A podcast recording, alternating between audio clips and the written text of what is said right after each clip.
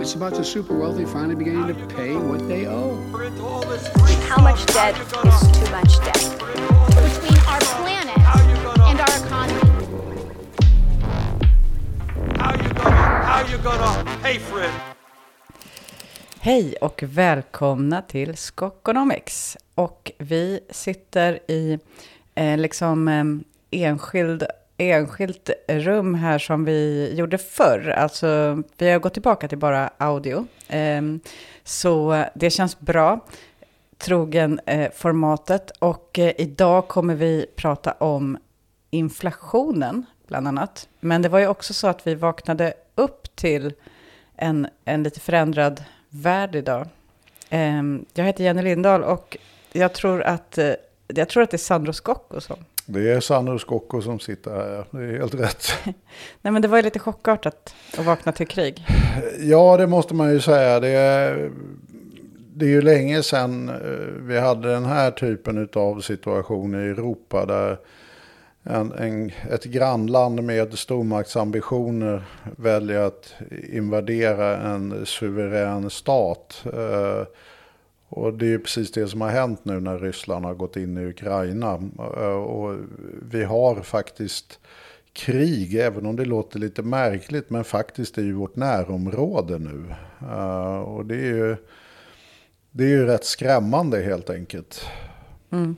Men jag tycker också, det har ju varit en sån lång uppbyggnad där det har varit en slags daglig upptrappning i medierna som har varit nu är det snart krig, nu är det nästan krig och så vidare. Eh, och sen har den, den har liksom pågått länge och sen har man, det har ju också hela tiden, under hela tiden har, har det formellt sett varit krig också. Alltså det vill säga, det här är ju två länder som är i krig redan, eh, fast inte liksom med den, på det fullskaliga vis som, som, som blev ett faktum idag. Men det har ju också gjort, på något sätt så har jag i alla fall, jag vet inte, trots att det har varit en upptrappning där hela den har gått ut på att snart är det krig, så har jag ändå tänkt att det är det nog inte. Ja, men det verkar ju mer eller mindre alla faktiskt ha tänkt. Jag såg ett reportage ifrån just Kiev idag. Eh, och att eh, det var en som berättade där att Nej men hade vi samma känsla som egentligen alla andra. Att eh, det är massa vapenskrammel och buller och så vidare. Men i slutändan måste de ju ändå hitta en lösning som gör att allt det här inte går åt helvete. Liksom, utan att det, det är snarare just någon förhandling med höga insatser som pågår. Så han sa att även Kiev-medborgarna eh, var ju i chock. Så att säga att de var så här, oj, det, det hände liksom. Och de är ju ändå närmast berörda. Va? Så att det, alla hade vi kanske den känslan att ja, men förhoppningsvis så löser det här väl ut sig på något vänster med något avtal. Men eh, det gjorde det uppenbarligen inte. Och en av anledningarna tror jag är att liksom prislapparna för alla inblandade i det här är ju väldigt höga. Och det, det förstod man ju redan innan det började att de var väldigt höga. Alltså både faktiskt för EU och för Ryssland. Och jag menar, tittar vi nu idag nu på ryska börsen så har den nästan halverats. Så att det, det, är liksom, det är ju ingen picknick för eh, Putin heller det här. Och de här sanktionerna som kommer träda i kraft och så vidare. Det, så att det är ju höga prislappar mm. på det här. Och vi har ju det här gas och oljeberoendet i EU i förhållande till Ryssland. Så även för oss är prislappen. Så man tyckte nog att incitamenten att försöka hitta en eh, vettig lösning på det här var rätt stora. Men eh, ja, utan någon anledning så står vi i detta mer eller mindre chockartade tillstånd och konstaterar att det gjorde man inte. Och Ukraina kan ju kännas, vad ska man säga, kulturellt långt bort på något sätt eftersom det inte, alltså vi konsumerar inte så mycket ukrainsk kultur, utom när det är Eurovision. Vi har liksom inte vi har inte dagliga nyhetsuppdateringar om hur, hur saker och ting går i Ukraina som inte är relaterat till krig. Men mm. det är otroligt nära. Geografiskt så ligger mm. Ukraina inte långt härifrån. Och eh, det är ju så att säga, det är också därför som den här frågan ju kommer att följa oss politiskt och ekonomiskt och så vidare ett tag. Därför att Sverige är eh, nära eh, både Ryssland och Ukraina. Och vi är också, eh, så att säga, det är, en utav, det, det är en slags spelplan som Europa består av. Som, där det finns liksom de som har fasta positioner i, i NATO och så vidare. Och det finns de som är allierade med Ryssland. Och så finns det de här liksom spel, som, som, ja, som Sveriges till exempel. Som hela tiden blir liksom pressade i olika riktningar. Um, så att vi kommer ju, det kommer ju vara så att um, den här frågan är på den politiska dagordningen ett tag. Ja, men alltså det är ett sånt där väldigt ekonomistiskt sätt att, att, se på hur, eh, hur nära det är. Då kan man ju säga att eh, Dow Jones World Index på börserna har gått ner 1,6 procent eh, hittills. Eh, Nikkei-indexet i Japan har gått ner 1,8. Eh, DAX i Tyskland har gått ner 5,24 och eh, Sverige har gått ner 4,5. Det, det är liksom... Det, mm. det, det, är ju såklart, det här är ju en, i hjärtat av Europa och kommer att påverka den europeiska ekonomin absolut mest och naturligtvis absolut mest den ryska ekonomin mm. av de som är inblandade här nu. Uh, så att det, det, är vårt närområde, både liksom geografiskt och ekonomiskt. Mm. Uh, och är ju naturligtvis någonting som man inte alls kanske hade tänkt sig skulle hända på det här sättet igen. Nu, det är det som är alltid risken när man gör sådana här insatser som nu Putin har bestämt sig för att göra. Att det, det får ju liksom en egen eh, liksom, mekanik och process. Jag menar, jag menar när Ryssland eller Sovjetunionen gick in i Afghanistan, då var det ju samma optimistiska bedömningar som när USA gick in i Vietnam och även när de var i Afghanistan. Att det skulle ju ta ett par, tre veckor och sen skulle det där vara klart. Eh, och så blev det ju inte. Och vi vet ju inte alls nu i dagsläget vad ambitionerna för eh, Ryssland är när det gäller Ukraina. Vad, vad har man tänkt sig ens med den här invasionen? Mm. Vad, vad, är målsättningen? Och, och, hur länge kommer den pågå? Mm. Och precis, och om, säg att, eh, att det kriget tar slut, alltså finns det liksom expansionsplaner som Putin har som kommer bara fortsätta fortsätta? Det är också en möjlighet. Ja, det är ju det som uppenbarligen är mångas ångest, inte minst i närområdet. Jag såg nu precis innan jag gick in och satte mig här att eh, Litauen har ju utlyst undantagstillstånd mm. utav, mm. på grund av situationen i eh, Ukraina. Och det är såklart att forna Sovjetrepubliker naturligtvis har väldigt mycket på spel i den här frågan mm. Eh, och är oroliga. Så att, mm. nej, det, det, är en fruktansvärd situation. Och, men vi hade ju bestämt oss att vi skulle prata om inflationen mm. idag. Men uh, det finns ju inte, det är inte, då, är det inte helt omöjligt att, uh, att sätta i relation till kriget. Nej, det, det, känns ju lite futtigt och ekonomistiskt då återigen. Som om man det är ändå en ekonomipodd och inte en fredspodd. Ja, och dessutom så eh, har det ju en, en relevans i det för att se att eh, hur starkt liksom vi sitter ihop ekonomier och delar hur mycket det påverkar oss. Därför det här kommer att påverka svensk ekonomi. Det är inte bara, alltså börsen faller ju därför att man förutser att det här faktiskt kommer påverka svensk ekonomi. Och det kommer det nog sannolikt också att göra. Men sen är det ju som vi sa tidigare, vi har ju ingen aning om vad herr Putin har för planer med den här invasionen som nu skedde idag. Utan, men det, det lär vi väl upptäcka. Mm.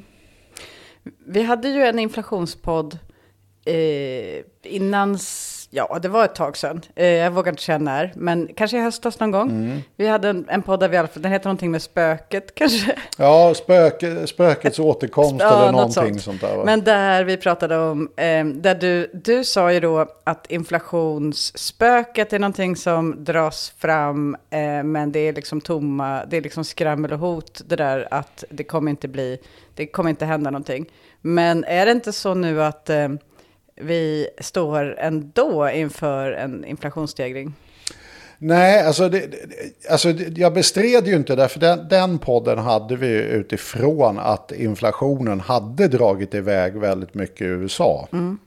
Och då, då är ju frågan, Därför att, att inflationen drar iväg nu, det är ju alla överens om. Och det är datat är ju väldigt tydligt nu. Och att det, det, det var inte det så att säga diskussionen handlade om. Utan det den stora ekonomiska diskussionen handlar om är ju om just inflationsspöket är tillbaka. Och det är ju liksom egentligen det här stagflationsspöket. Va? Det vill säga att vi har jättehög inflation och hög arbetslöshet och vi får liksom ingen riktig ordning på det. Eh, och det här sambandet som heter Philipskurvan en gång i tiden har brutit samman och sådär.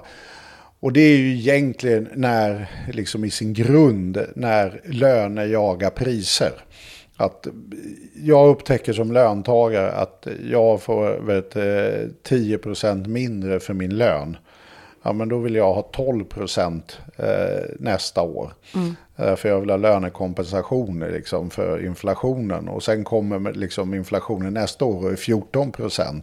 Därför liksom, priserna ökar ännu mer och då kommer jag vilja ha 16% nästa gång. Och så håller man på sådär. Va? Det är, det är helt enkelt en löne och prisspiral va? Och som vi hade under en, ett par decennier där. Men ska vi backa liksom till... Eh, om, om vi nu är i att det är inflation, alltså typ att inflationen ökar. ehm, då betyder det att vi behöver kanske eh, typ ta det lite från början och fatta vad inflation är.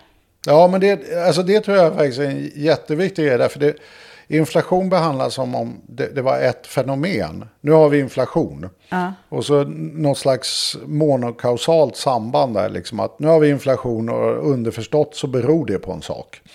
Ja, men den brukar inte komma fram så mycket, utan det brukar vara mer att vi har inflation och det betyder att pengarnas värde minskar. Ja, eh, i förhållande, ja, att man inte kan köpa lika mycket för varje krona. Och att det är bara så i ekonomin ibland av liksom olika faktorer som uppstår. Men det är liksom, man fokuserar ju liksom inte, alltså det finns ju inte liksom någon större debatt, förutom det här med arbetslöshet kontra inflation som har varit den stora saken. Ehm, Ja, det, det är det liksom egentligen som har varit den stora grejen. Att man, man liksom, när man bytte den här regimen ifrån att försöka hantera arbetslösheten till att istället enbart fokusera på inflationen och sa att arbetslösheten är i princip så kallat naturlig. Va? Då framstår det lite som att vi bara, det är det inflation är. Att vi väljer mellan arbetslöshet eller inflation och så tar vi det ena eller det andra och så, får det, så blir det så. Ja, precis. Och framförallt så fanns den här grundsynen då, och som vissa fortfarande har, att om, om arbetslösheten blir för låg, då blir konkurrensen om löntagarna för hög. Och då stiger lönerna för snabbt. Och då får vi inflation och då måste ekonomin kylas av. Så att i- inflation är någon slags tecken på att ekonomin är överhettad, det är för mycket efterfrågan där ute. Eh, och det, det är ju liksom en, en extremt grovt förenklad modell. Va? Jag antar att det liksom finns lagar eller vad man ska säga för det här. Eh, liksom eh, det är liksom procedur. Om man går på nationalekonomikurs, att då får man liksom en, det finns en modell för hur inflation uppstår antar jag. Ja, framförallt så är det ju liksom rätt krasst. Alltså, inflation är ju egentligen inte så himla teoretiskt. Vad, vad du sätter in den i för sammanhang kan ju vara sjukt teoretiskt. Men, men inflation är ju egentligen data bara, som man försöker mäta på så bra sätt som möjligt. Va? Men, så att det vi, det vi säger är inflation är ju i princip ett konsumentprisindex som SCB anordnar. Va? Och då försöker man mäta det i olika varugrupper. Det är en varukorg man har. Va? Så man säger så här, så här mycket handlar vi av det här och så här mycket handlar vi av det där. Och sen så tittar vi om de har stigit och sen har vi någonting som är sjukt komplicerat som gör allt det där lite svajigt. Och det är nämligen kvalitetsjusteringen. Det vill säga att Exakt. Om, om produkten blir bättre då får den ju kosta mer utan inflation. Men hur, hur mäter vi att produkten har blivit lite bättre och sådär? Så att det, det är inte direkt okomplicerat att komma fram till ens vad vi har för inflation. Va? Men, men det är ändå kan man säga att en Excel-arksövning i någon mening. Och den Excel-arksövningen har ju en, en, liksom en baksida om vi säger så. Eller det kommer någonstans ifrån. Och det är också egentligen lite av Excel-arksövning. Att liksom, den kan, den kan egentligen bara komma ifrån tre ställen. Alltså, när, man, när man läser KPI då, då blir det alltid förvirrat. Jag tycker den diskussionen är rätt värdelös om jag ska vara ärlig. va? Så att- Men för att, eh, när, när du är på KPI, när du säger sådär, då tänker jag, aha, så att vi mäter alltså inflation utifrån KPI och då utifrån liksom utvalda varor etc. Men det betyder ju att teoretiskt sett i alla fall så skulle vi kunna ha jättemycket inflation utan att märka det så att säga. Alltså vi märker det kanske i, ekonom, i plånboken, men utan att, utan att det ger utslag, ifall man har liksom räknat fel då i. Ja, det, alltså så, ja, man, har man räknat fel så, så blir det ju så. Ja, men för att man har valt varor som då egentligen är undantag eller så. Ja, precis. Men det är ju precis det de försöker göra. De försöker ju ha en representativitet i den här varukorgen. Så att målsättningen är ju precis det motsatta mot vad du säger. Att om de säger att vi har inflation så ska folk märka det. Och är det som du säger, då har de gjort ett väldigt dåligt jobb helt enkelt. Och det är ju så att typ diamanter kan till exempel inte väga så här jättetungt i en sån här varukorg. Därför då, ja, det, är en väldigt liten del av populationen som upptäcker att diamanter har stigit som en raket i pris. Va? Men det kan inte heller vara för mycket så teknikprylar eller sånt som är... Ja, fast det är det ju. De väger ju vad de väger. Vi köper ju hyggligt mycket teknikgrejer. Ja, men där sker det ju väldigt mycket produktutveckling som dels gör dem Det bättre och dels är- gör dem billigare att tillverka. Alltså det finns ju massor med sådana parametrar där som är det, svåra. det är ju det som är kruxet med teknikgrejerna, att göra den här kvalitetsjusteringen. Alltså, vi, vi säger nu bara, nu vet jag att jag lever i det förflutna, va? men Ja. det är ändå ett exempel som är kanske enkelt att förstå. Du har en mobiltelefon som är en vanlig mobiltelefon som den var förr i tiden. Man använder till att ringa med. Sån- Mm, det har man ju fortfarande. Det, det, det, det är mobiltelefoner- den man kallar sin preppertelefon. Jaha, ja just det. Ja, men jag tänkte ju säga, det är sådana mobiltelefoner som fanns förr i tiden. Det går Man fortfarande att köpa en vanlig Ja. Nokia 3310. Ja. Ja, sådana telefoner fanns en gång i tiden. Jag ringer med den här. Va? Och sen så kom ju då på ett bräde att alla skulle ha en kamera. Alltså långt innan smartphones liksom. Men så här, alla ska ha en kamera. Då är det ju legitimt att den här mobilen med kamera ska ju kosta mer än den där utan kamera. Men det blir rätt svajigt hur mycket mer den ska kosta. Vi säger att den, den där utan, eh, eller med kamera kostar 1200 och den utan kostade 1000 spänn säger vi. Ja, är det då, mot, är de här 200 mot, har inflationen varit noll?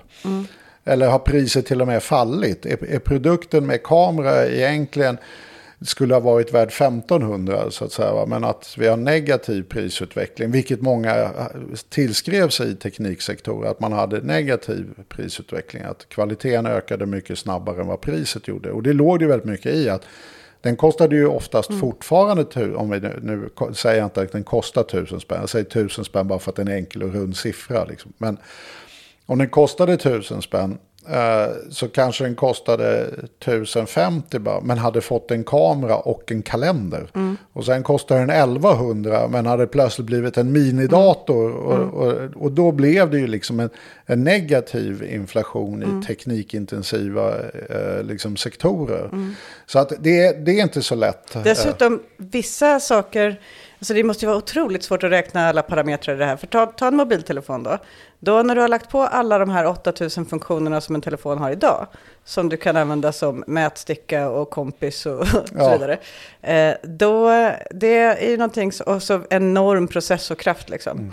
Då, då är det också så att då upprätthåller man inte längre den batteritid till exempel som fanns på mobilerna från början. Därför att det krävs för mycket batteri. Så, så att där har ju kvaliteten sjunkit kan man säga. Även om den inte har det. Batteriet är säkert bättre än vad det var i min första telefon. Men motsvarande liksom batteri.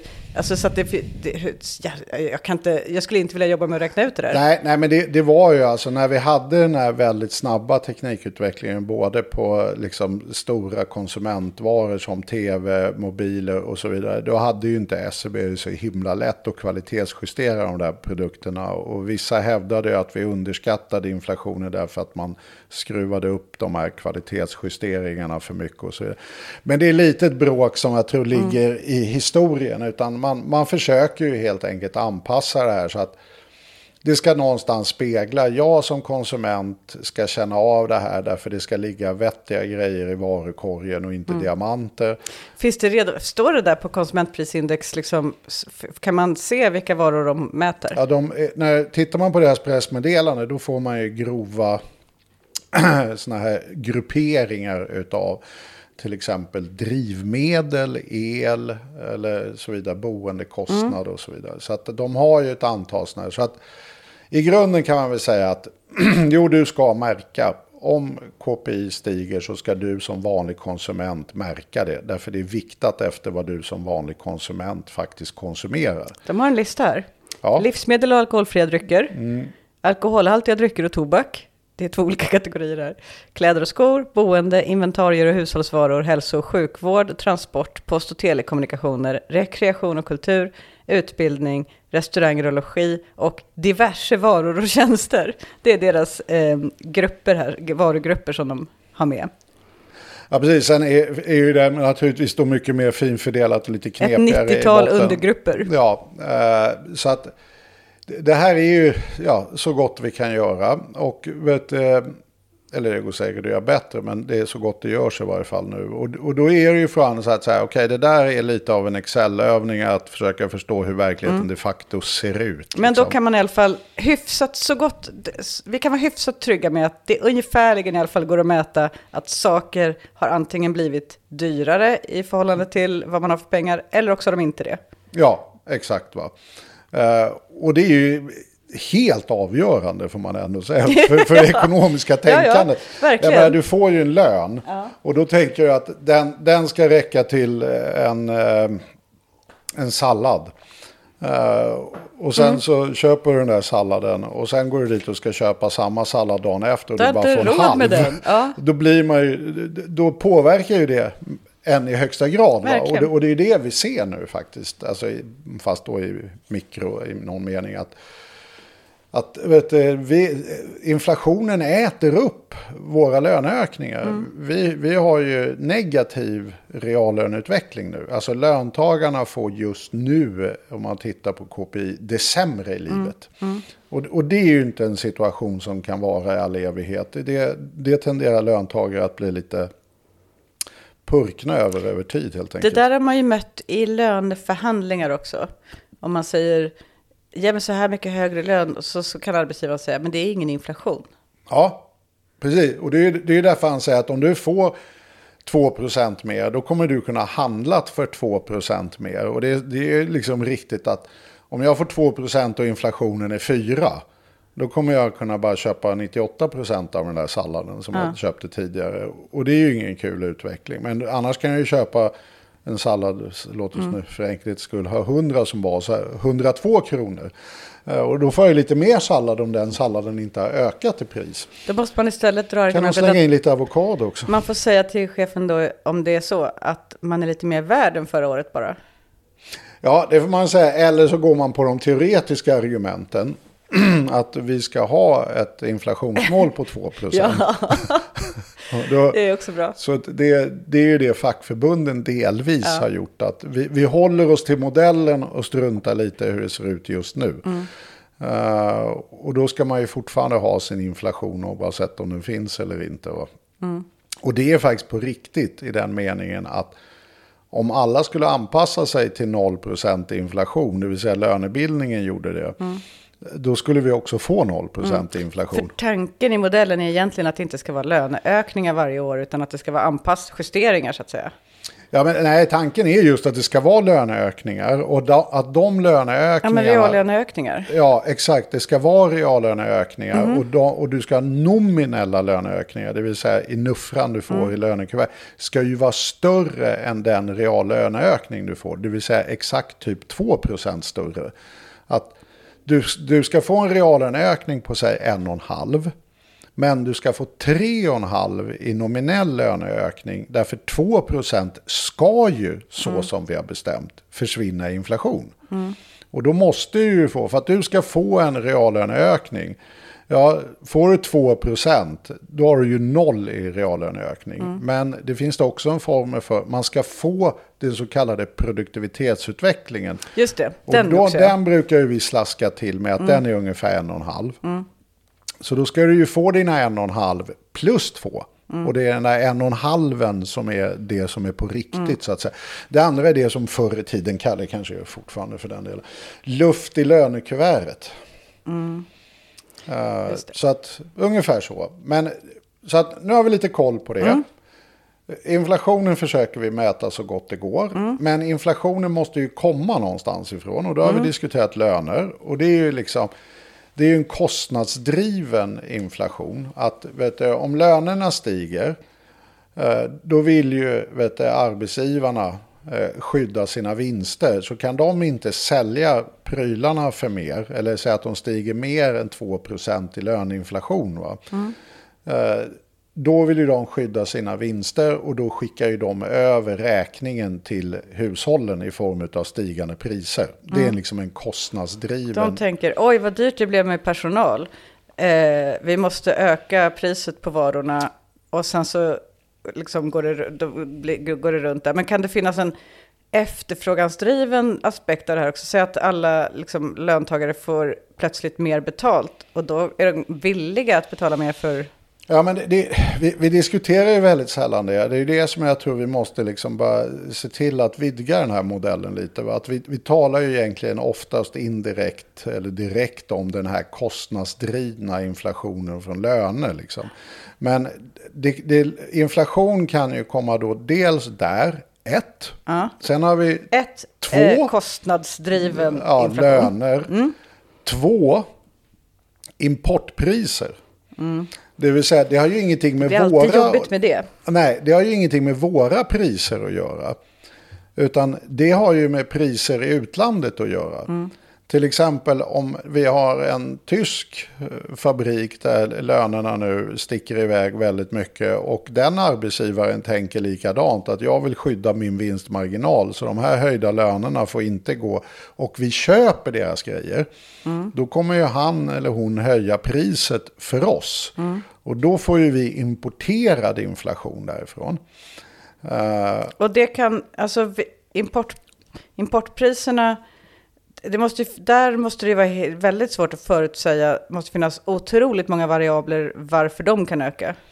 Det kan det göra. Och då är ju en den här sidan på liksom, eh, industri och manufacturing-sidan. va? Att det är ju liksom i botten också naturligtvis löner.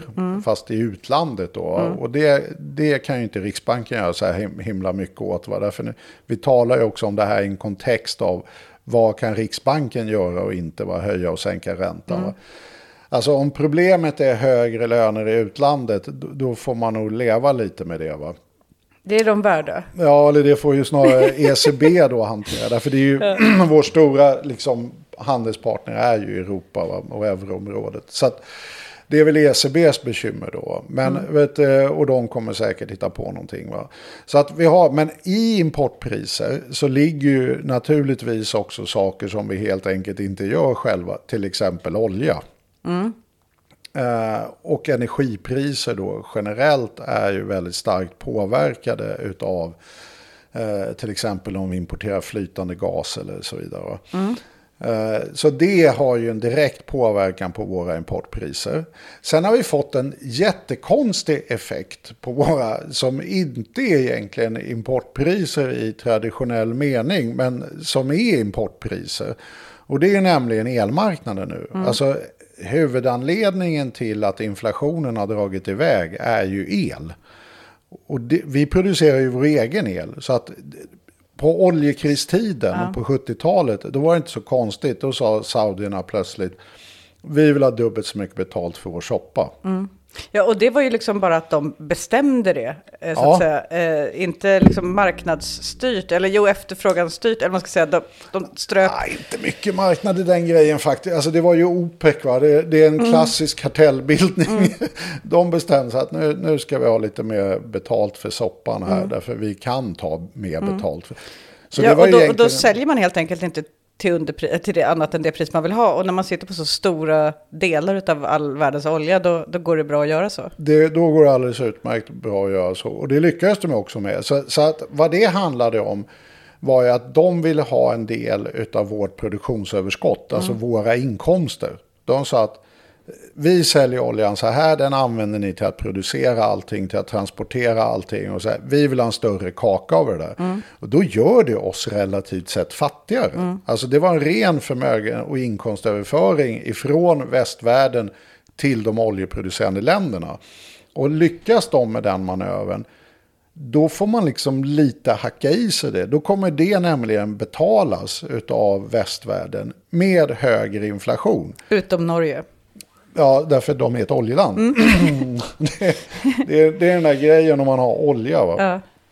Eh, så att det är just en sån här inkomstöverflyttning som är så här, ja men det här gör oss fattigare. Hur gör det oss fattigare? Jo, det gör oss fattigare genom inflation. Problemet blir ju då inte vi accepterar att bli fattigare utan höjer lönerna på motsvarande grad och låtsas om som att vi inte de facto har blivit fattigare. Då startar ju vi en liksom, pris och lönespiral därför att vi inte riktigt hackar i oss den här ökade fattigdomen. Men den kommer ju dyka upp på ett eller annat sätt, vilket den också gjorde. Va? Alltså de, de inkomsterna som förflyttades över till de här länderna som var oljeproducerande, den, den var ju real så att säga. Va? Men menar, den ena saken här är ju enkel. Om det finns till exempel brist på en vara kan den som säljer den ta ut ett högre pris. Om den varan är superviktig för alla ekonomier så blir det inflation. Eller om, jag menar, jag kommer ihåg eh, hur liksom det varit prisökningar efter Suezkanalen stoppet. Därför att det varit brist på saker, för att saker inte kom igenom Suezkanalen. Eh, Men de var väl tillfälliga då antar jag. Men jag menar, ja, det är liksom en slags, okej här finns det en högre efterfrågan än tillgång, man kan höja priserna, det driver upp inflation. Men vad har det med elmarknaden att göra där det finns jättemycket tillgång? Det är ju det som är kruxet. Va? Nu har ju vi gift ihop oss med det här marknadsexperimentet i EU. Så att det som händer är ju då att vi är då granne med en väldigt stor ekonomi som heter Tyskland. Eller granne är vi ju tekniskt sett kanske inte. Det är en sjö emellan eller Danmark emellan. Men det, det är i varje fall, vi är ihop med tyskarna. Eh, och tyskarna har i, för sin elproduktion ett väldigt, väldigt stort beroende av Putins gas. Och när den här Ukraina-konflikten drog igång, och det får man väl säga, det är väl inte fullt ut bevisat, men många delar tesen att då valde Putin att rerouta mycket av gasen till Asien och inte minst Kina. Och hade ett mindre utbud i Europa, vilket kraftigt drev upp priserna på gas i Europa. Och ett gasberoende land som då Tyskland, när Putin gör det här, då skenar deras elpriser. Var man konspiratoriskt lagd, då skulle man säga det att Putin försökte ge Tyskland och Europa en liten försmak av vad en full konflikt skulle innebära med Ryssland. Så det är den konspiratoriska sidan av det. Och det Men- lyckades väldigt bra. Alltså priserna tokrusade ju på el i Tyskland. Och då har ju vi de här fyra elprisområdena som vi har pratat om fram och tillbaka och så vidare. Och i och med att det, vårt södraste prisområde i praktiken har gemensam, eller inte riktigt, men en stark påverkan av de tyska priserna. Att man kan välja att exportera elen istället till den tyska marknaden. Och det är såklart man gör det om det är tredubbla priset och det går liksom. Eh, och då tokrusade ju elpriserna i vet, du, södra Sverige. Och faktiskt upp till mellersta. Liksom. Sen Norrland klarade sig rätt bra. Det är liksom som en genuin marknad här. Alltså det är som en auktion. Här finns det någon som betalar bättre för elen. Då säljer man den dit och då måste vi kontra med ett högre elbud. Ja, exakt. Va? Och då, då stiger ju våra priser. Och sen har man ju de här fysiska begränsningarna. Att eh, som norrlänningarna ska nog, och svensk basindustri industri nog ska säga thank God for. Det vill säga att vi har så dåliga kopplingar upp till norr. Så vi klarar inte av att flytta ner så mycket el. Så att den också kan exporteras till Tyskland. Det är en ren fysisk begränsning. Alltså. Annars hade också vet, norra Sverige och basindustrin fått de här elpriserna.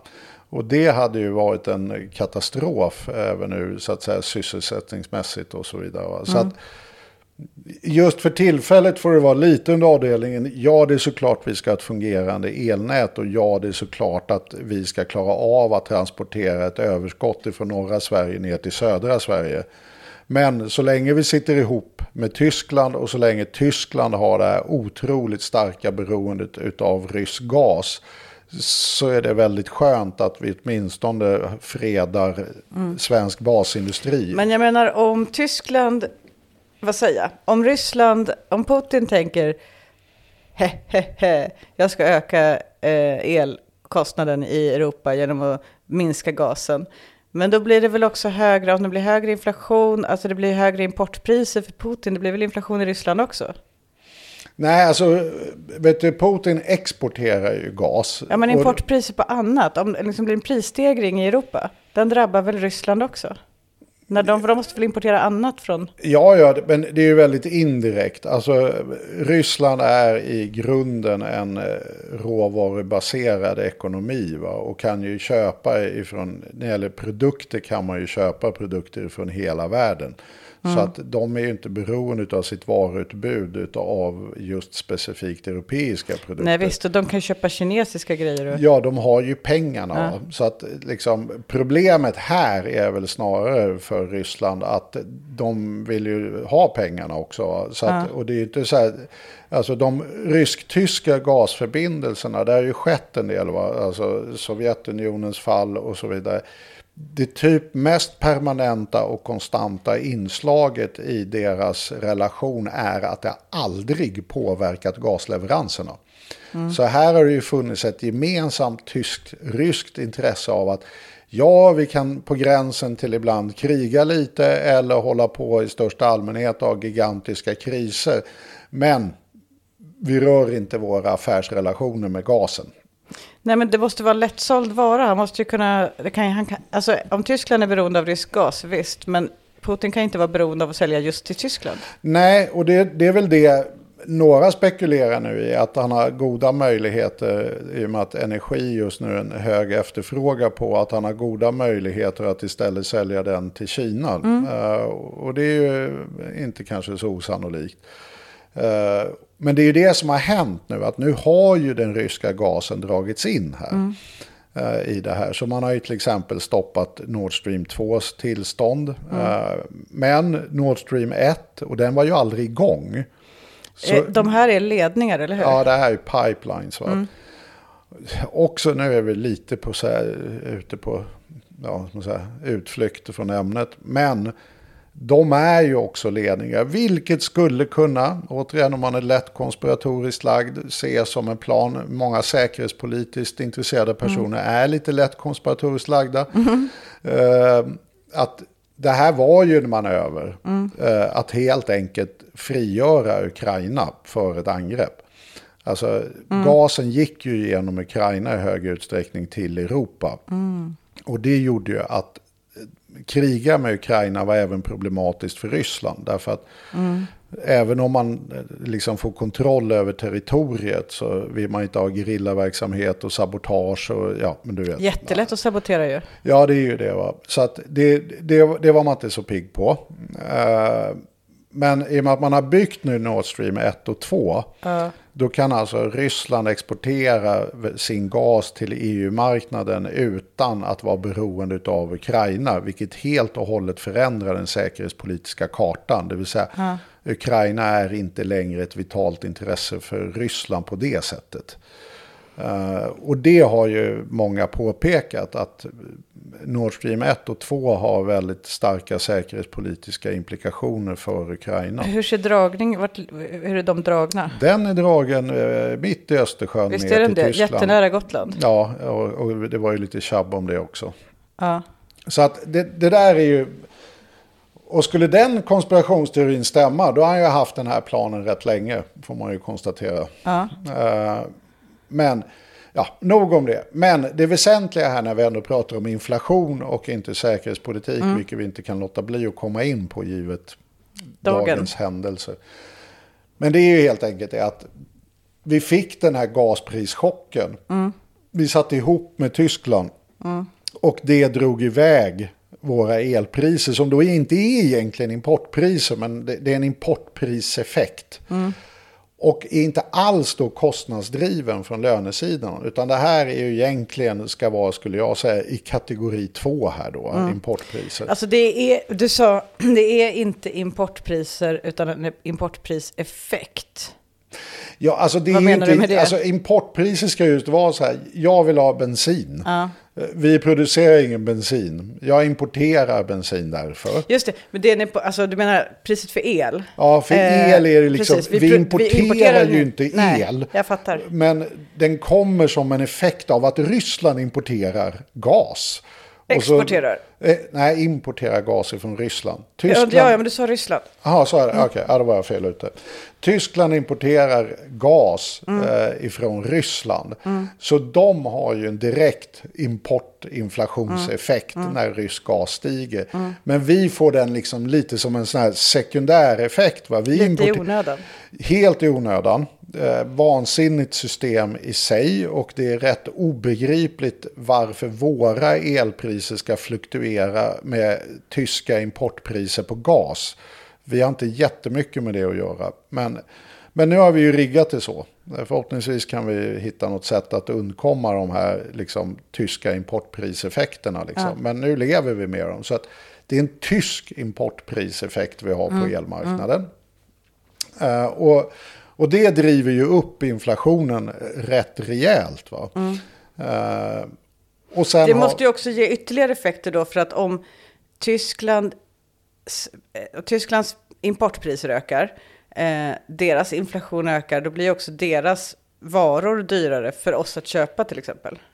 Det blir det ju också. Så då ökar ju även importpriserna i sig. Exakt va, de tyska importpriserna ökar ju. Alltså våra, när vi importerar tyska varor och de har import. Va? Eh, Och det där är ju då också egentligen en sekundäreffekt som är lite korvig. Därför att det, det vi kan säga nu det är ju liksom att ja, men en stor del av dagens inflation, alltså vi har ingen inflation från lönebildningen som är problematisk. Nej. Utan, så liksom faktor ett är liksom lugn. Eh, Tvåan, importpriser eller indirekta är rätt stökig.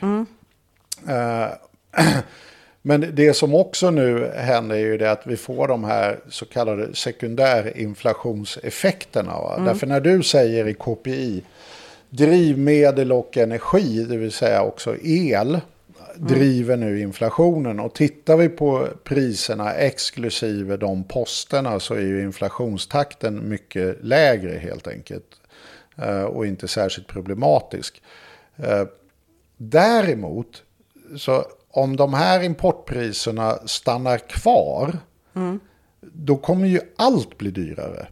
Alltså om, om dieselpriserna är skyhöga, då kommer ju inte bönderna i all evighet säga att det där tar vi på vår vinstmarginal.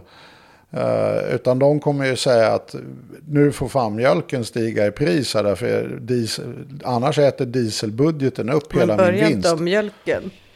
Då, du kan inte säga ta det av vinstmarginalen och mjölk, för då kommer jättemånga mjölkbönder höra av sig. Och förklara det att det inte här finns några bara min finns monumentala- inga vinstmarginaler. Nej. De typ betalar för att göra mjölk. Jag vet, jag har, jag har förstått det. Och jag, jag såg något reportage någon gång att hur vansinnigt det var att en liter mjölk kostade mindre än en liter klorerat vatten. Vilket jag måste verkligen hålla med är fullständigt vansinne. Men så att jag vill inte uttala mig om mjölkmarknaden. Det var bara ett exempel på en produkt med hög igenkänningsbarhet från Jag jordbrukssektorn. tycker vi tar tag i mjölken som nästa fråga. Ja. Eh, reder ut eh, totalt liksom, exakt varför är det så här? Jag känner mer att, kan inte du föreslå en annan representativ jordbruksprodukt som jag får använda som exempel? Varför, varför, vad är det för fel? Jaha, du menar nu? Ja, som går upp i Just pris det på som grund går av upp i pris, dieselpriser. potatis. Ja, potatis. Och det är du helt säker på att de har stora vinstmarginaler på potatis. Men Jag okej. tror bättre i alla fall. Ja, Jag tycker den också är rätt billig. Den Men, är billig, men å ja. andra sidan den kostar ju inte så mycket att producera. Nej, okej. Vi, vi lämnar de här områdena vi absolut inte kan någonting om. Och så går vi tillbaka till inflationen. Sparris. Men, ja, exakt. Eh, Men Ja. Till slut så blir ju liksom det här en inkorporerad del utav liksom företagens kostnader. Och, och för företag, och särskilt företag med mindre marginaler, så kan de ju inte bära det. Och då smittas ju de här energipriserna över i praktiken i alla varor. Jag menar, det enklaste sä- sättet kanske är att tänka en, en buss som har ett biljettpris och nu det skulle vara marknadsprissatt på något sätt. Och så kostar det 500 spänn att tanka bussen och det, det biljettpriset som finns täcker de där 500 spännen plus lönen och lite vinst. Ja, nu kostar det plötsligt tusen spänn att tanka bussen. Ja, då fattar man ju att den där ekvationen man hade tidigare kommer ju inte gå hem utan att man höjer biljettpriset. Va? Och där har du inflationen. Men det är liksom inte drivmedelsposten i sig. Nej. Utan det är plötsligt en bussbiljett eller potatis eller... Ja. Och energi, det används ju i allting. Det gör ju det och till och med om någon utställningshall och säljer någonting ballt och det har massa starka lampor och aircon och grejer så upptäcker du att din elräkning också dyrare, blivit det blir dyr dyrare. konst. Ja, ja, men det är precis. Gallerierna till och med har fått höjda kostnader för att producera. Och då blir den ju kostnadsdriven. Mm. Alltså då får du ju en kostnadsdriven, men du får det på Alla stackars ljuskonstnärer. Ja, de har, ja, fast inte det är väldigt modernt med LED-rör nu. Och Det är inte så mycket, ja, det kanske inte det påverkar är så mycket. rätt cool faktiskt. Men, men vilket fall som helst så, så blir det ju helt enkelt en del av kostnadsmassan och att den har ökat väldigt mycket. Och det slår ju igenom helt på alla priser till Mm. slut. Och det, och det där beror ju i praktiken, och jag har tittat på en del studier som Riksbanken har gjort, och, och det, det verkar ju eh, hyggligt rimligt, det de kommer fram till. Det är ju det att korta spikes, i- alltså toppar i priser, så här, nu, nu kostar det 100 spänn, eh, en vecka senare kostar det 200 spänn, tre veckor senare tillbaka till 100 spänn. Det, det händer inte så mycket då. Alltså, folk orkar inte ändra alla sina priser och det är liksom... Och så här. Men om den där dubbleringen av priset ligger kvar, ja, men då kommer man justera sina kostnadssamband helt enkelt. Och då kommer också mycket starkare vad Riksbanken då kallar sekundäreffekter i form av priser på allt. Brett ökar helt enkelt. Eh, och då blir det inte lika lätt att se att det här är elen just som har ökat, liksom, eller drivmedel, utan då ökar ju allt som är kopplat, vilket är precis som du var inne på, ungefär allt. Eh, så att vi, vi är ju i det läget nu. Vi vet nu att det är elen och det är drivmedlen. Men vi kan ju också ha inflation från ett tredje ställe. Nu har vi talat om löner, importpriser, eller indirekta åtminstone importpriser också. Och det tredje sättet som inflationen kan komma, det är ju helt enkelt ökade vinstmarginaler. Alltså om- du är så här, nej men mina kostnader är likadana, men eh, jag kan faktiskt ta mer betalt för den här grejen. Ungefär som eh, saudierna gjorde i oljekrisen. Ja, fast, ja, i någon mening. Fast Att man jag, jag säger tänker att, mig, eh, Det här kostar så här mycket nu. Ja, och jag, jag, nu försöker jag komma på någon produkt som det blir så här hög efterfrågan på plötsligt. Jag kom på ett PlayStation 5. otroligt gammalt exempel. Och det var den här, när Volkswagen kom med den här Beetle. Mm. Den här moderna du, varianten på eh, folkbubblan. Mm. Eh, så inte minst i USA så blev det en sån enorm efterfrågan på den. Att produktionen kunde helt enkelt inte täcka efterfrågan. Alla som ville köpa en fick inte köpa en. Och då steg ju priset på den där rätt ordentligt. Plus att det utvecklades en andrahandsmarknad utav nya bilar. Att man ställde sig i kö. Och sen kunde man sälja den för så här 50 000 mer, liksom eh, ny då. Eh, det är typiskt ett sånt här, liksom, efterfrågan är enormt hög. Eh, och därför kan jag höja mina priser utan att ens ha höjda kostnader för produkten. Det är bara att alla vill ha den. Men just det, för då... Det här måste ju betyda, eftersom definitionen av inflation är liksom prishöjningar på ett antal liksom utvalda varor. Eh, Så till exempel att introducera en ny vara, Playstation 5 som jag sa som exempel, då kan ju inte det vara inflationsdrivande så att säga. Nej. För att den fanns inte förut och då kan den inte öka i pris. Nej, alltså då kvalitetsjusterar man Så ju även om den kostar en halv miljon, fast det inte är värt, så... Ja, fast just Playstation hamnar vi i det här kvalitetsjusteringshelvetet. Va? Att, jo, men då kommer man ju titta på vad är skillnaden mot Playstation 4. Och, och om den kostar då lika mycket eller kostar en 500 mer, då kanske den är så ballar, mycket ballare att den motiverar en 500 mer. Och då är ju inflationen noll. Eh, så att det, det där är ju knepigt, men just den här efter, alltså när företagen ökar sina vinster beror ju i princip då på två grejer. Det ena är ju efterfrågeläget, du var inne på. Många vill, det finns mer människor som vill köpa prylen än det finns prylar. Nu gör vi en liten återkoppling till Suezkanalen. Det är precis det som hände. Alltså, ingen störning hade ju skett på efterfrågesidan. Och plötsligt fastnar ett skepp på tvären i Suezkanalen. Så att det kommer helt enkelt fram mindre prylar. Och då finns det ju mer pengar till de där prylarna som lyckas ta sig runt det där skeppet. än vad det finns liksom... eh, Ja, ja. f- Fler då- kunder med mer pengar som då börjar slåss om de här prylarna som som, fram. ta sig igenom Ja. det där på något vänster. va. Eh, Så att det- är typiskt ett sånt läge där du får en utbudsstörning som begränsar helt enkelt utbudet.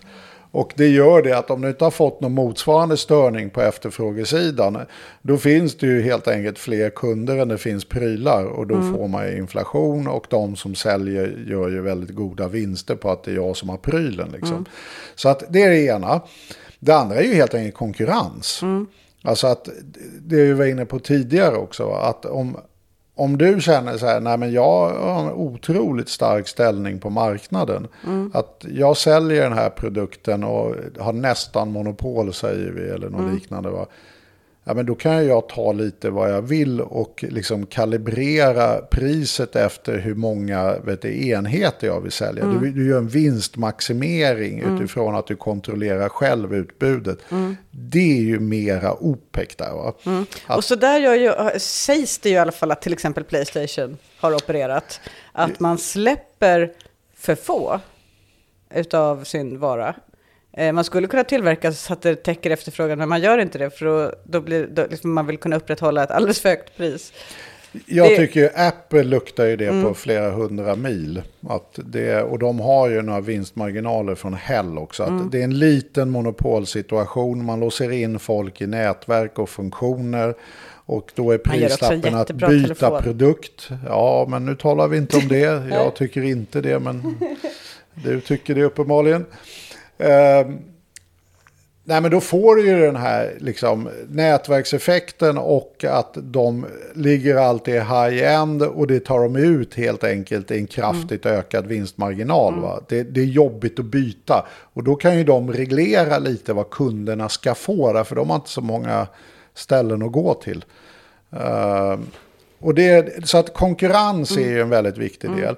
Precis, alltså att, att det finns en sant fungerande marknad, det motverkar liksom den här, eh, för att då, då kan man inte bara höja priserna för att man vill, utan då, för då kommer någon annan konkurrera och säga, Exakt. eh, jag kan göra samma sak för det här priset. Japp. Men om det inte finns en riktigt fungerande marknad, av olika skäl kan ju det vara. Alltså karteller eller eh, typ i, i praktiken monopol eller så. Eh, men, ja men precis, och då finns det väl eh, inte så många, alltså de flesta marknader är väl hyfsat fungerande tänker jag. Ja, det, ja, eller ja, uh, jag skulle inte gå dit. Tvärtom så skulle jag säga att vi över tid nu har fått allt sämre fungerande marknader. Och, och då, det var därför jag tänkte, det är med, om, vi nu har den här liksom enkla modellbilden i huvudet, att inflation kommer från ett, kostnadsdriven löner, två, importpriser, tre, du, ökade vinster. Så är det faktiskt rätt tydligt nu i USA, eh, när jag tittar på senaste datat från Fred, att du, du har ju en väldigt hög vinstnivå i USA idag och stigande. Eh, och de har också stigande inflation, så en del av deras höga inflation kommer ju, nu har ju de liksom väldigt hög inflation och den verkar ju komma ifrån alla effekter närmast. Mm. Och därav blir den också väldigt hög. Så de har både ettan, stigande vinster, de har tvåan, stigande löner, stigande importpriser. Mm. Alltså, de har en rätt bra soppa av inflationsbrasa på gång där borta. Eh, Men där var det väl också en satsning under Trump-åren i alla fall, att man skulle göra sig mindre beroende av import och mer av inhemsk produktion. Ja, fast det, alltså, det, det går... alltså, USA, USA har ju haft en trend av att vara allt mer liksom, integrerad i världsekonomin de ja. senaste decennierna. Man, man var ju rätt självständig för 30-40 år sedan. Mm. Då, då var ju inte importinslaget särskilt stort. Till exempel när man sa att eländet som kom på 80-talet eh, i spåren av liksom Reaganomicsen försökte man ju skylla på att kineserna hade konkurrerat ut amerikansk arbetsklass, mm. arbetarklass. Och det, det, var ju ett fullständigt skämt i förhållande till datat. Att då var fortfarande importeffekten i USA extremt begränsad. Mm. Men det var ju naturligtvis lättare att skylla på kineserna än den inhemskt förda politiken. Liksom. Ehm, så att det, men däremot så har ju USA också blivit en allt mer integrerad del av eh, och mindre viktig också dels. Mm. Eh, jag menar, 1950 har jag för mig att USA stod för 50% av världshandeln. Det är man inte överhuvudtaget i närheten av idag. Så att det är ju en krympande stormakt i den meningen. Mm. Men det här är så att man kan ju få det här från alla möjliga håll. Och det som är däremot den eh, liksom svenska och faktiskt EU-situationen är ju det att lönerna har det ju inte hänt någonting på. Utan det här är ju drivet av de här eh, efterfrågeeffekterna. Att vi har störningar, inte alla Suez men efter pandemin så har vi så att säga störda supply chains som det heter då. Det vill säga mm. att vi har svårt att få fram alla pryttlar som vi förut innan pandemin fick fram det. Ekonomin fungerar inte fullt ut med att få ut varutbudet. Så vi, vi har den effekten. Mm. Sen har vi den här effekten av att du, folk har inte kunnat göra av med pengar. Alltså, och det ser vi även det i datat, va? att vi har ett ökat sparande i ekonomin. Mm. Ja, men för vissa grejer har de ju kunnat, men resor och sånt till exempel är ju... Ja, och det är inte något, alltså krogbesök, resor, hela tjänstesektorn har ju gått på knäna. Va?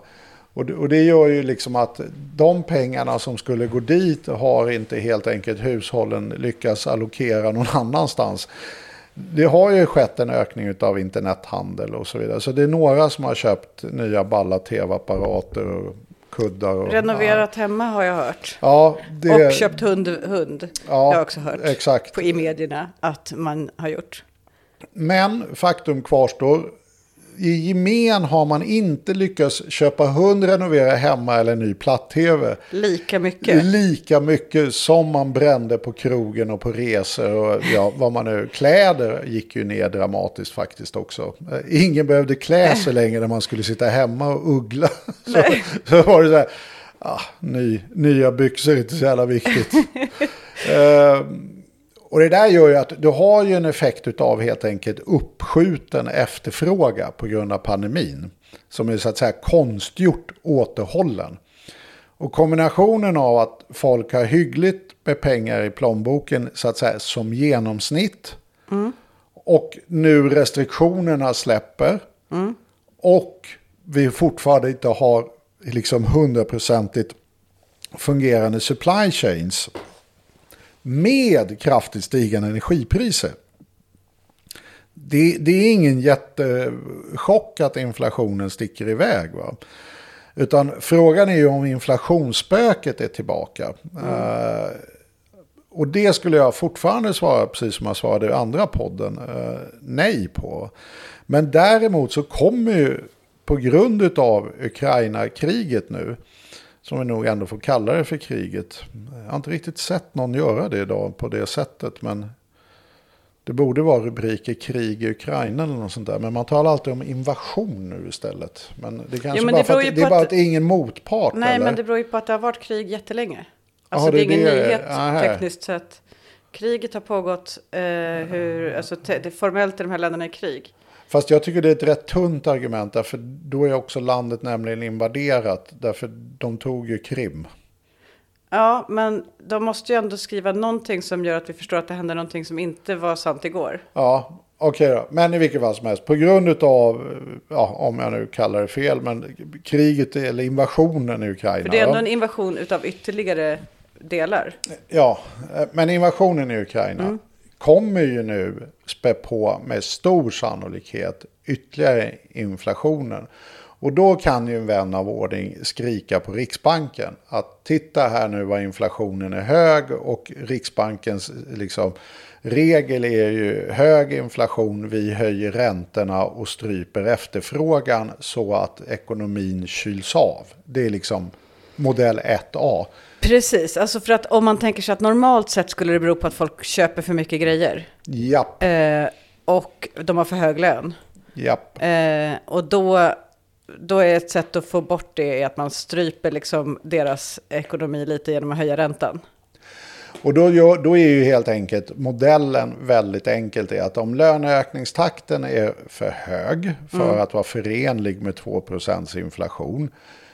Då höjer man räntan. Då ökar ju alla kostnader som är kopplade till krediter. Bolånen och så vidare. Då suger man ju ut de pengarna ur hushållsbudgeten. Och de går ju till andra. Och du kommer inte som hushåll längre kunna köpa lika mycket prylar. Och då får vi högre arbetslöshet. Och då minskar konkurrensen om arbetskraften. Och då går löneökningstakten ner. Det är egentligen så här enkel Riksbankens modell är. Va? Men då måste man vara medveten om att ett krig i Ukraina som förvisso med sannolikhet kommer leda till en högre inflation. Det vill säga via energipriser och elpriser. Den är ju i sig en åtstramning. Alltså det, det tror jag alla upptäckte när vi nu, eller jag upptäckte i varje fall det. Till och med jag blev lite chockad över min elräkning. Eh, som man fick nu i januari. Eh, att, Alla har fått sin, jag har inte fått min. nej, eller har du inte betalt det? Men vi Jo, låter det men vara alltså, den, osagt. kommer, den kommer var fjärde månad.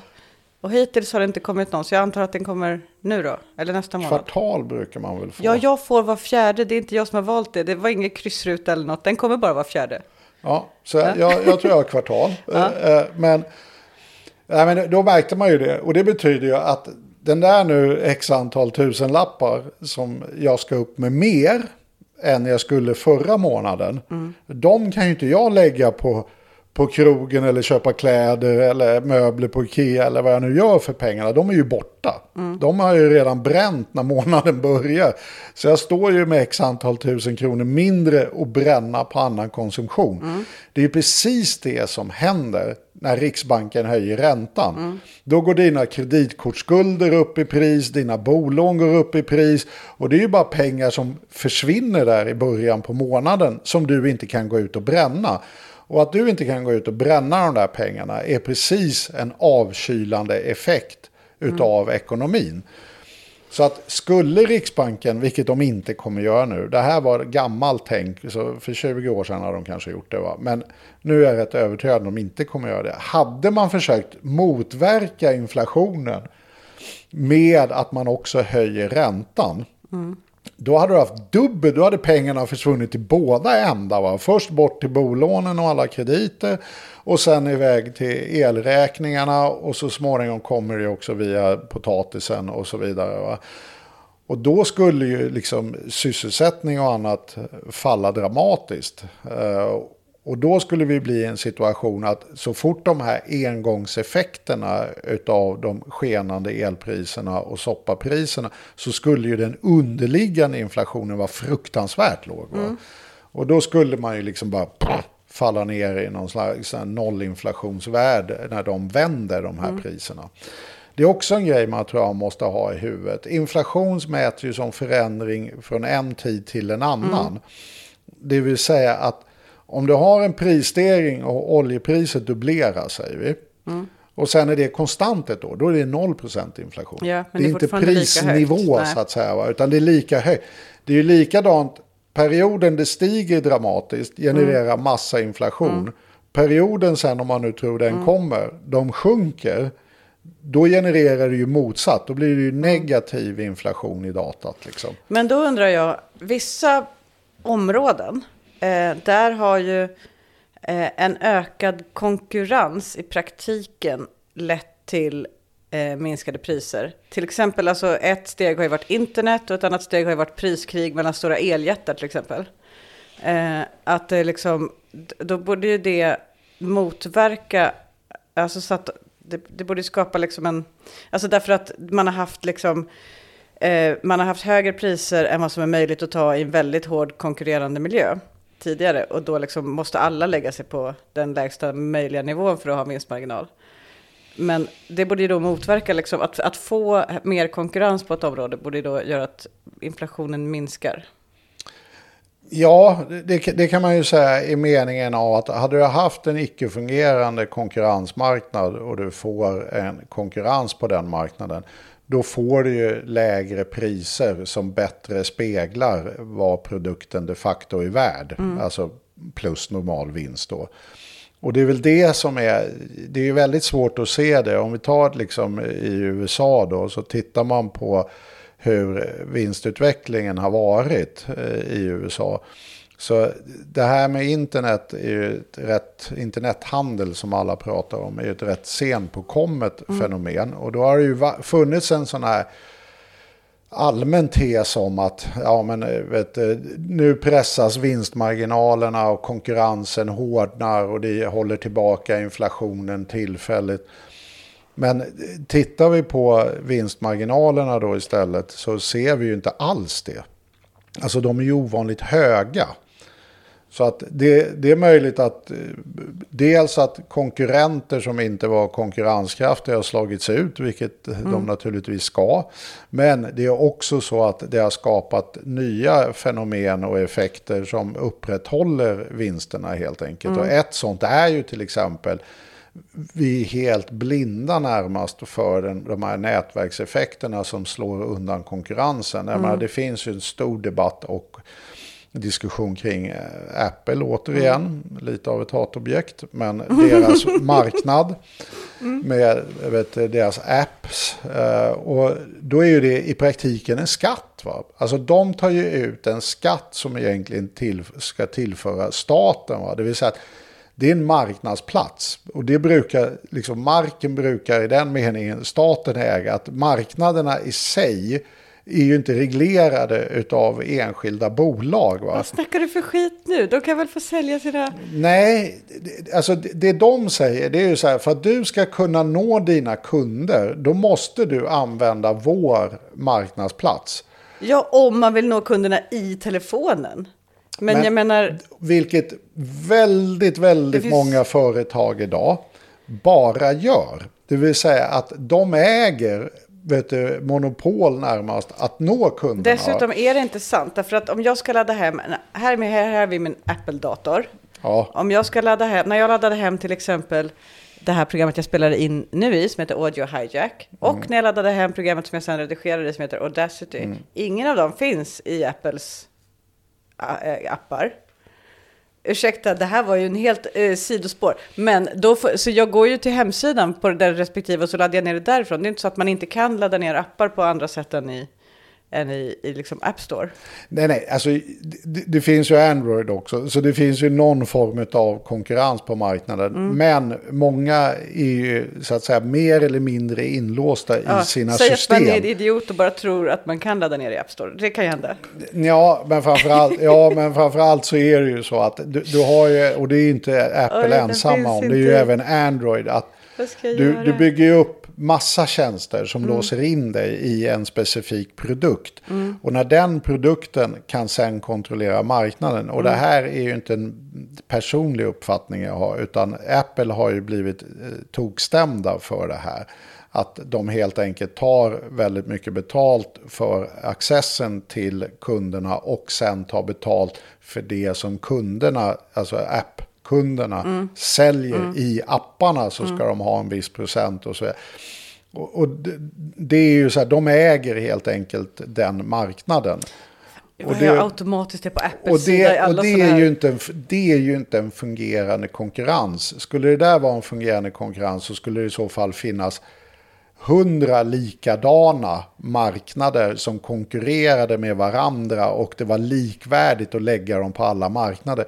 Det där med marknad är ju helt enkelt att alla på marknaden måste vara så kallade pristagare företagen. Företagen, konkurrensen är så tydlig att det är de här produktionssambanden som definierar priset. Och det gör att man inte kan avvika ifrån det. det alltså ett, ett företag kan inte plötsligt säga Nej, men jag vill ha 50 spänn mer i betalt. När ett företag själv kan börja bestämma vilka priser man vill ha. Då är du inte på en marknad längre. Därför de är inte längre pristagare. Va? Utan de, de säger det här är det priset jag vill ha. Kan de det, då fungerar inte marknaden. Apple kan det i sin App Store. Vi tar så här mycket Alltså du, pengar. du, du, vad heter det? Jag, Ja, jag, det här jag är en jag App Store-bashning till inflation. Men jag okej. ska söka jobb på Apple sen tror jag. För att jag, jag har alltså, känner att jag har hundra argument mot eh, liksom varför det här inte är ett giltigt argument som du har. Men nu har de det ju förlorat det i domstol också. Så jag, jag har åtminstone domstolar som håller med mig. Ja, så ja, men det jag, betyder inte att det är rätt. Nej, absolut inte. Men det, många tycker att det är ett problem. Men, eh, inte minst Spotify faktiskt. Men, om vi bortser nu från Apple. vi så lämna det. trots det här, men du tog upp det här med internethandel och så vidare. Det pressar marginalerna och så vidare. Va? Men jag tror att Det har det helt uppenbarligen inte gjort på makro helt enkelt. Det var min slutsats. Och, en det är anledning kan att- vara just att det uppstår nya möjligheter att corner the market. Och det är här som Barzai, en forskare från, eh, eh, ja vad var det nu då? Nu tappar jag var han, var han forskade någonstans. Men det var ett av Ivy League-universiteten. Det var länge sedan jag hade honom på tapeten. Salt Men, eller sötvatten? vad sa du? Salt eller sötvatten? Eh, Det var nog sötvatten. Eh, Och vet, du, han gjorde en studie som jag tyckte var lite kul.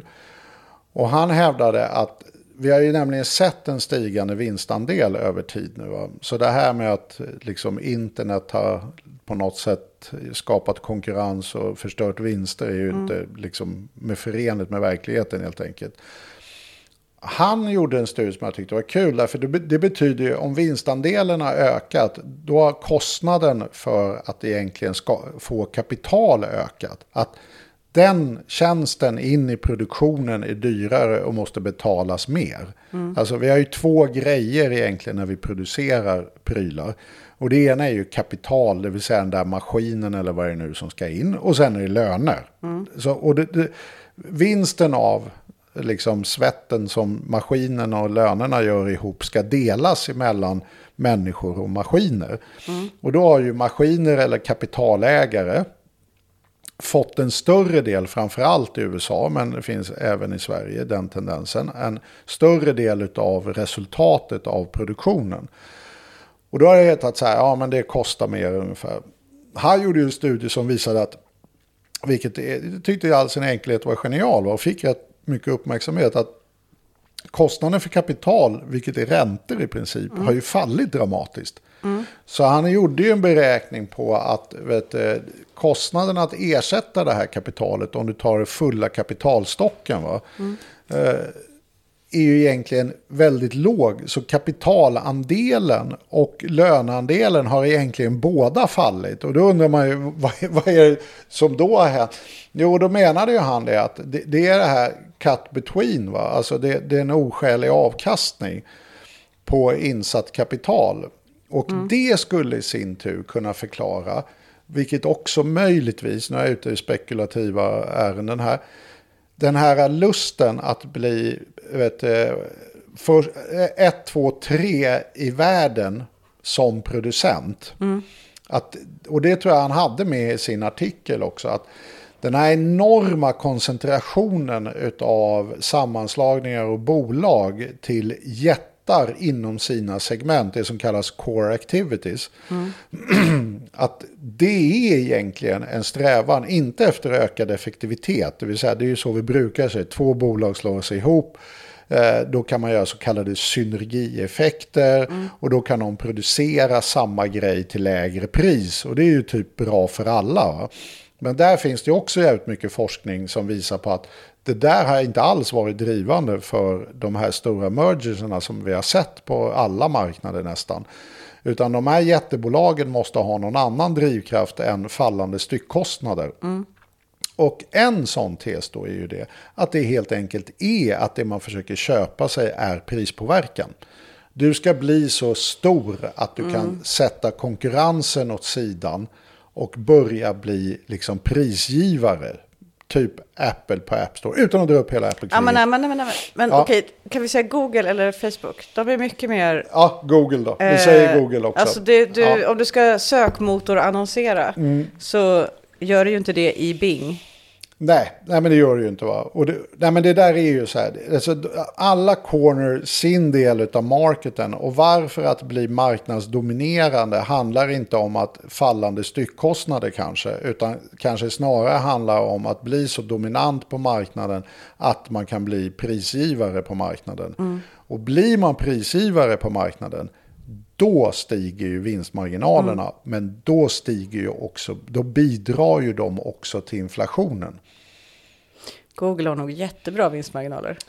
Ja men det här är ju en jättedebatt. Ja men det har de ju. Det här är ju en jättedebatt i USA. Vi är ju alltid så här ett decennium efter. Va? Alltså de har ju separerat, och det har jag varit inne på förut i poddarna. Det här mellan pro-business och pro-market. Precis, Att, det pratade vi om nej, i samband med Panama-papperna va? ja, att, ja, det tror jag det var. Eller Paradispapperna menar jag. Ja. Och det, det relaterar ju till den här diskussionen. Att eh, pro-business, som någon uttryckte som jag citerade, det är att du för liksom eh, the 500 i USA, va, de 500 största bolagen.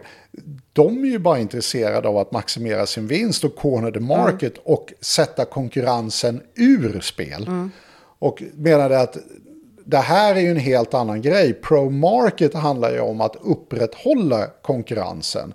Och inte se till, eller se till att det inte blir övervinster och att konsumenterna får det sämre. Va? Men förstår jag det rätt? Alltså den här inre dynamiken i eh, marknadsekonomin eller kapitalismen, att liksom, eh, tjänster och varor säljs av eh, liksom färre och färre större aktörer, eh, som därmed blir liksom styrande och ledande och kan sätta priserna.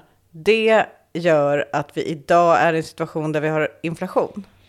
Ja, jag skulle säga att det idag kanske är en bidragande del till att vi har inflation. Alltså varför vi just har inflation just nu, det har ju med eh, energipriserna att göra. Så enkelt är det ju. Men här, det här är också en faktor som liksom pågår. Det här är ju en trend vi har sett. Att vi ser de här allt större multinationella företagen som mer eller mindre slukar hela marknader. Eh, att man har den här eh, vet, eh, antingen horisontella liksom, integrationen eller vertikala integrationen. Eh, och det är ju inga nyheter heller. Det här är ju så här old news. Vill du öka vinsten så se till att du kan corner the market. Alltså det var ju Vanderbiltarnas, Rockefellarnas hela affärsidé. Va? Och därmed också slutpunkten på det, det vill säga antitrustlagarna. Och jag tror att en hygienfaktor framöver kommer bli eh, väldigt viktigt att helt enkelt upprätthålla att vi liksom har konkurrens på marknaderna. Att vi, annars så kommer vi se ökade vinstandelar och urholkade lönekuvert. Men om vi har då, för vi vill ju inte ha jättemycket inflation. Ehm, nu har jag skrivit upp här L plus I plus V. Det är då lön plus importpriser plus vinst. Då, då blir det ett sammantaget, om, om no, något eller alla av de här ökar för mycket, då får vi inflation. Och då, eh, om man då tänker sig att vi inte vill ha inflation, för det vill vi ju inte, Nej. särskilt inte jättemycket. Vi vill ha lagom inflation då, 2% har vi bestämt. Kanske vi inte ens vill ha det, men, men nu har vi bestämt det. Så då kör vi på det. Eh, och så kommer den här vännen av ordning och säger nu är det för mycket inflation, det måste vi göra någonting åt. Och då säger vännen av ordning, vi gör som vi brukar och sänker ränt eller höjer räntan. Och då är det fel har vi konstaterat, därför att det blir liksom en det kommer bara öka på alla problem därför att Beroende på nu om det är L, I eller V va? Ja, precis. Men jag menar i nuläget. Ja, i För att i nuläget. har vi ingenting på L, eh, väldigt mycket på I, Ja. indirekt, och kanske lite då på V. Ja, Eh, och då så, eh, så, så tar vi inget på räntan då, för det påverkar bara L. Mm. Men vad, vad kan man göra då på I och V egentligen? Det är inte så lätt att... nej men alltså I och V eh, så är vi bara redan så här modelljobba Mm. med ko- förkortat.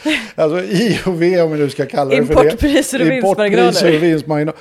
Nej men alltså vinstmarginaler är ju helt enkelt att se till att man har vettig konkurrens. Det är det liksom. Mm. Jag tycker vi börjar med ergonomerna. Ergonomerna. Jag misstänker starkt att det finns en prisupprätthållande kartell av något slag. Eh, Ergonomiska kontorsmöbler. Mm. Så dyrt kan det inte vara att tillverka dem, alltså det kan det inte. Okej, ja, men vi, vi, vi, kan lämna tips till Konkurrensverket att nu är det dags att börja hålla lite Kolla koll. på ergonomi, Ja. för jag menar det kommer alltid någon ergonom till kontoret och så går den och pekar. Den här kan du inte sitta på, då kommer du dö i förtid. Eh, Du köpte den här för 35 000. Så går det till. Ja men alltså det är ju så. Alltså, om, om vi ska hantera det här med konkurrens. Ett, alltså ha inte konkurrens på idiotmarknader. Alltså du vet, därför att då, då ska staten kontrollera och Mm. äga det helst. Va? Och så, det var ju hela förra poddens... Bra. Jag är det- helt för då att staten tar över. Eh, Ergonomiskt anpassade kontorsmöbler.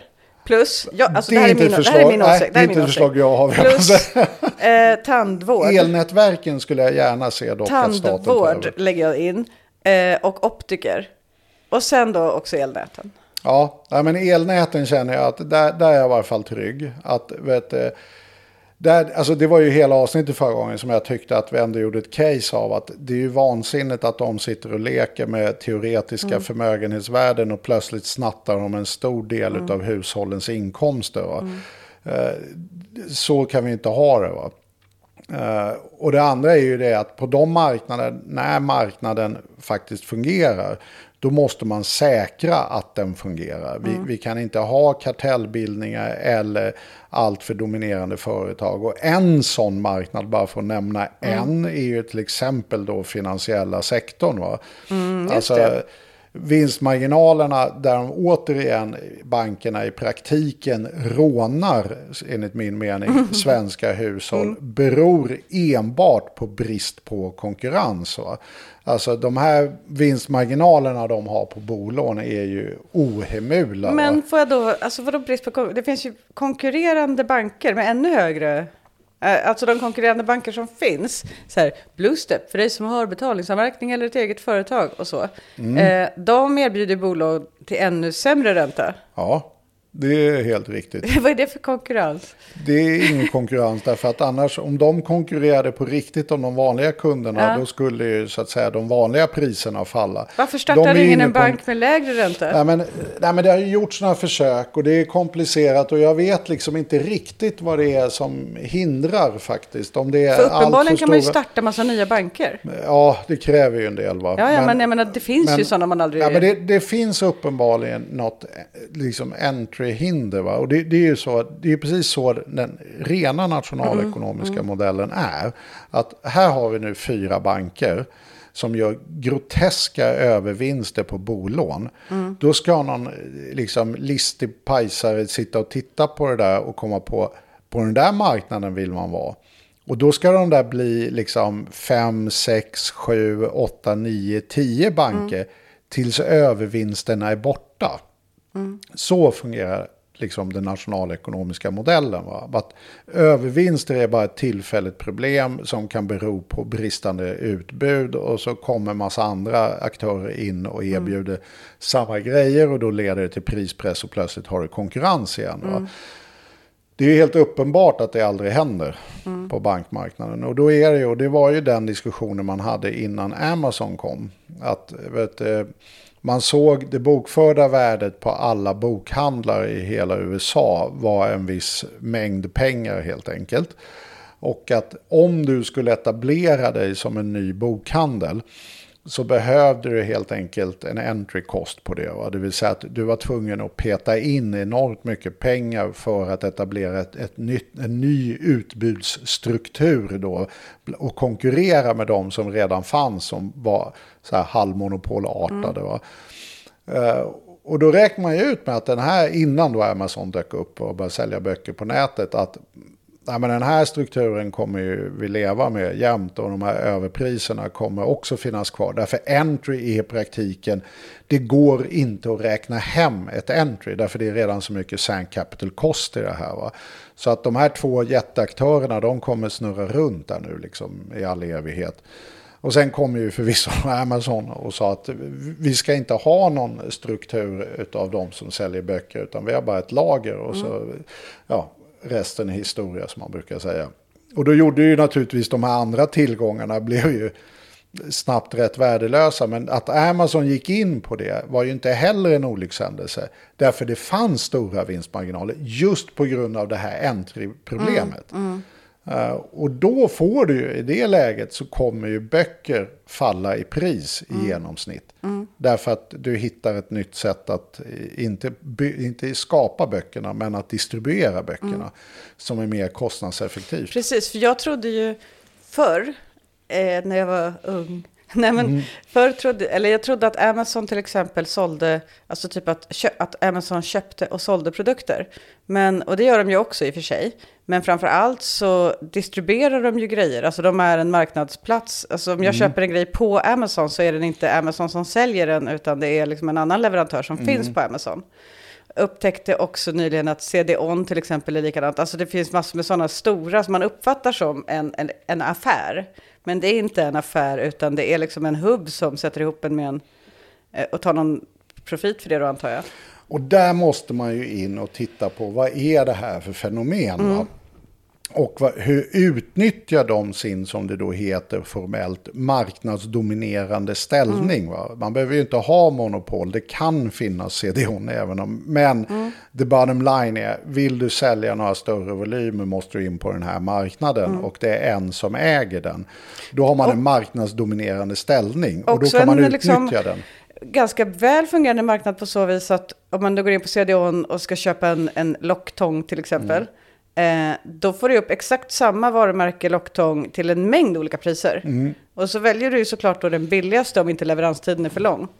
Och eh, då har du ju liksom, då har ju också skapat en fungerande marknad som inte riktigt fanns förut. Därför att om du bara söker på Google så får du inte alls upp de här alternativen. Liksom.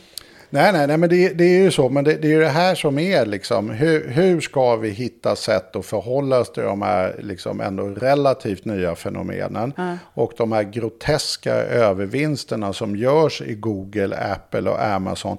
Som är också en snyltning. Alltså det, det är, ju, det är ju samma Rockefeller-stuk mm. igen. Va? Alltså det finns ju en bra dokumentär på ja, HBO eller vad det nu är om Amazon. Och och det är precis det som händer när du är marknadsdominerande. Mm. Att först börjar de köpa in böcker från förlagen mm. och så säljer de dem. Och så har de hittat en överlägsen distributionsmetod. Mm. Att du behöver inte ha en affär utan vi kapar mm. alla de där kostnaderna och kan vi sälja den billigare. Allt det där är ju korser, det är ju mm. jättebra. Det är effekt ökad effektivitet och, och ingen bryr sig om boken kommer i posten därför det är en liksom, stapelvara som är exakt likadan mm. oavsett var du köper den. Va? Så det, det, där var ju kanon. Va? Men sen när de växte, va? då började de ge sig på, som tydligen Jeff Bezos sa, va? Mm. vi ger oss ju inte på de starkaste djuren på savannen först, utan vi ligger som tigrarna bakom och sen så hugger vi de djuren som släpar efter. Va? Mm. Och det han talade om var förlagen. Därför att naturligtvis så vill du ju sen pressa mm. dina leverantörer. Mm. Uh, Som om inte förlag några illa nog innan Bezos. Ja, så det som hände var ju det att plötsligt sa han om du ska sälja på Amazon där du nu har 70% av din försäljning så får du bara 30% av det priset du hade tidigare ja. och mm. så går de nästan i halvputten och så. Mm. Ja, du vet, Yes. Det här är ju att utnyttja sin marknadsdominerande ställning. Och det är ju inte priser i fallande priser som kommer konsumenten till del. Den, den prisvinsten mm. utav det skulle ju då istället för att gå till konsumenten till exempel kunna gå till Jeff Bezos nya superyacht som är så stor att de är tvungna att riva en antik bro nu i Holland. Vilket det är då upprört över.